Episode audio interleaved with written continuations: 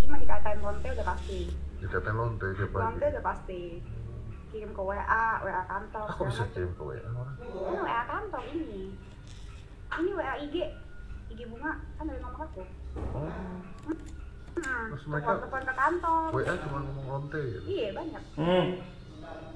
Telepon ke kantor ngomong apa?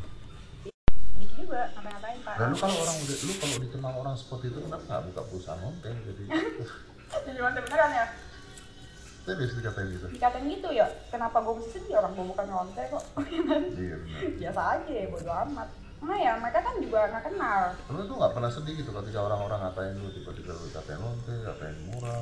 aja lah, Nah, bodo amat bodo amat. ya bodo amat lah kan mereka itu tidak kenal gue mereka kayak gitu karena menurut gue mereka ngefans Ya, tapi kan orang ketika ngebaca itu terus pasti deg dulu gitu hatinya gitu kan kadang-kadang kalau kita baca komen negatif kan kepikiran bisa lama kepikiran terus balas-balesin bisa begitu